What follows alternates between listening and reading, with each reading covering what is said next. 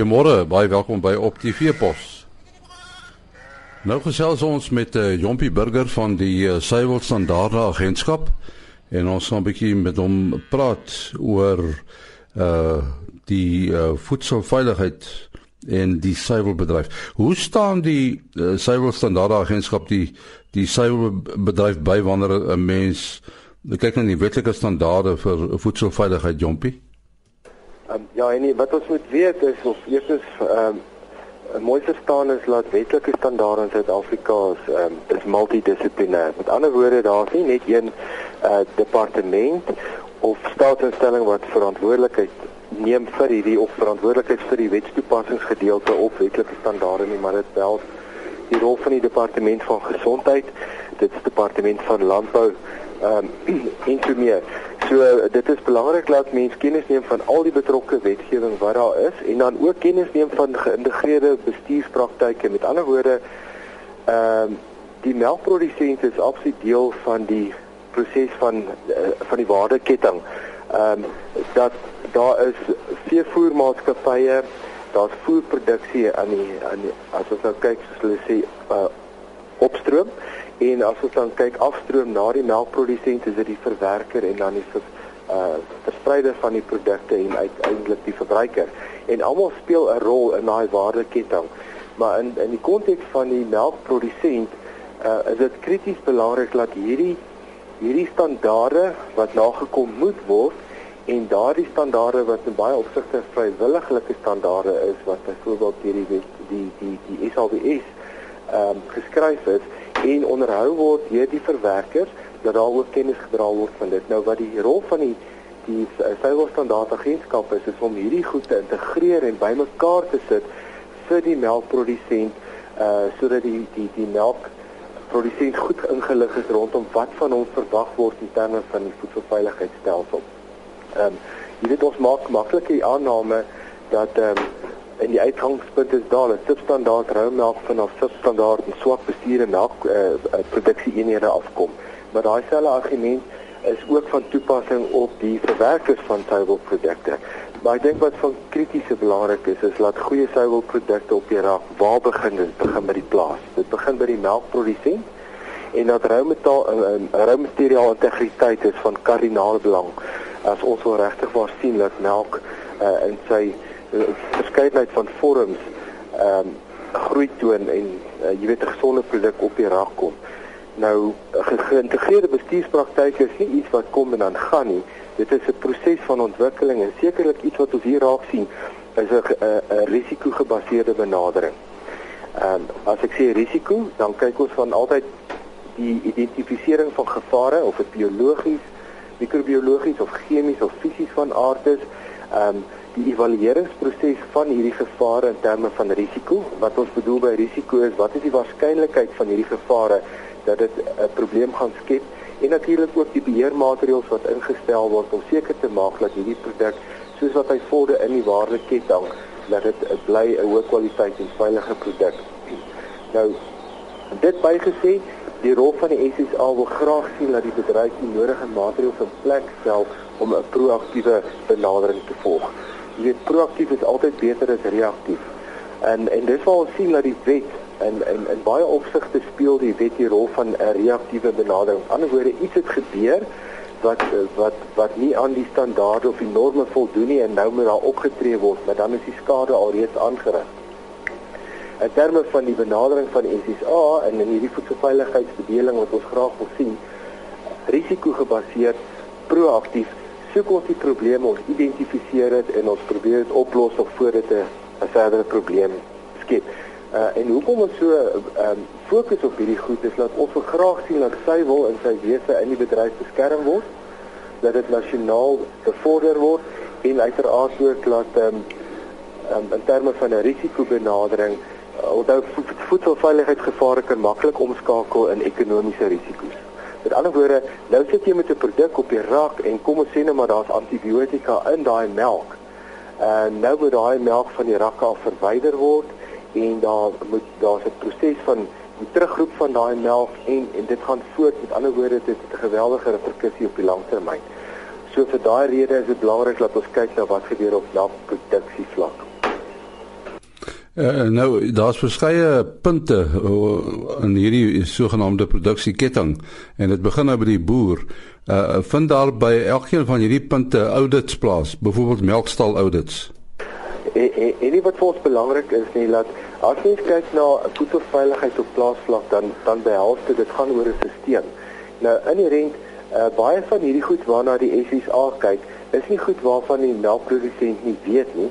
Dit help net om met voedselveiligheidsprobleme op 'n geordende wyse te handel. Met ander woorde, jy werk met 'n bestuurstelsel wat aan die einde van die dag vir die melkprodusent moet werk en wat ons dan sê die melkprodusent moenie vir die, die stelsel werk nie, die stelsel moet vir in guns van die uh, van die melkprodusent werk. En hier kyk ons na elementêre goed as ek dit so kan noem in terme van waterkwaliteit. Jy weet uh, ek kom redelik baie op plase en dan vra ek myself die vraag, jy weet die die frekwensie van watertoetsing wat so 'n kritiese rol speel in in die eindproduk of die produk wat dan uh, opgetel word deur die melktankers. Ehm um, waterkwaliteit in terme van hardheid, magnesium, kalsium hardheid en dan ook E. coli in die water. Daai goed wat 'n direkte impak het op die melk uh, aspekte van melkveiligheid. Jy weet wat gaan in die melkportaal aan? Die die werking van die masjiene, uh die onderhoud van die toerusting, uh, alles deel van proaktiewe optrede. Persoonlike higiëne, fasiliteitshigiëne. Uh die hantering van die diere ten opsigte van stresfaktore. Ehm um, jy weet wat gebeur in die voormelkingsarea en die voormelkingsprosedure. Hoeveel van ons boere en ek weet daar's meer gevorderde tegnieke vandag ehm um, uh, uh, strip nog regtig ware koeie om te kyk is daar dalk um, mastitis teenwoordig. Met ander woorde, ons kan nie wag dat die persoon wat die melk koop, die melk gaan toets vir ons en dan sê hoor hierso uh, uh meneer boer jy het hoë somatiese seltellings en nou is dit reaktief en nou moet ons gaan kyk waar die probleem is. Met ander woorde, hierdie voorsorgmaatreëls wat daar moet wees wat gevolg moet word, is hulpmiddels om te verseker dat ons nie met ander probleme wesenlike probleme op die einde van die dag sit nie. Ehm um, ons praat hier van die oordrag van die melk in die melktank, die daai prosedures wat gevolg word, die nagaan van wasprogramme. Hoe belangrik is dit tog nie om watertemperatuur te moniteer om te kyk hoe warm is die water waarmee dit was veral in die winterseisoene wanneer dit 'n geweldige impak het op die werking van die aktiewe bestanddele in die chemikalieë. Ons kyk na al daai aspekte. Krities belangrik is gereelde inspeksie van die stelsel en die stelsels. Wat maak 'n melkprodusent wanneer hy weet daar is 'n probleem op die plaas?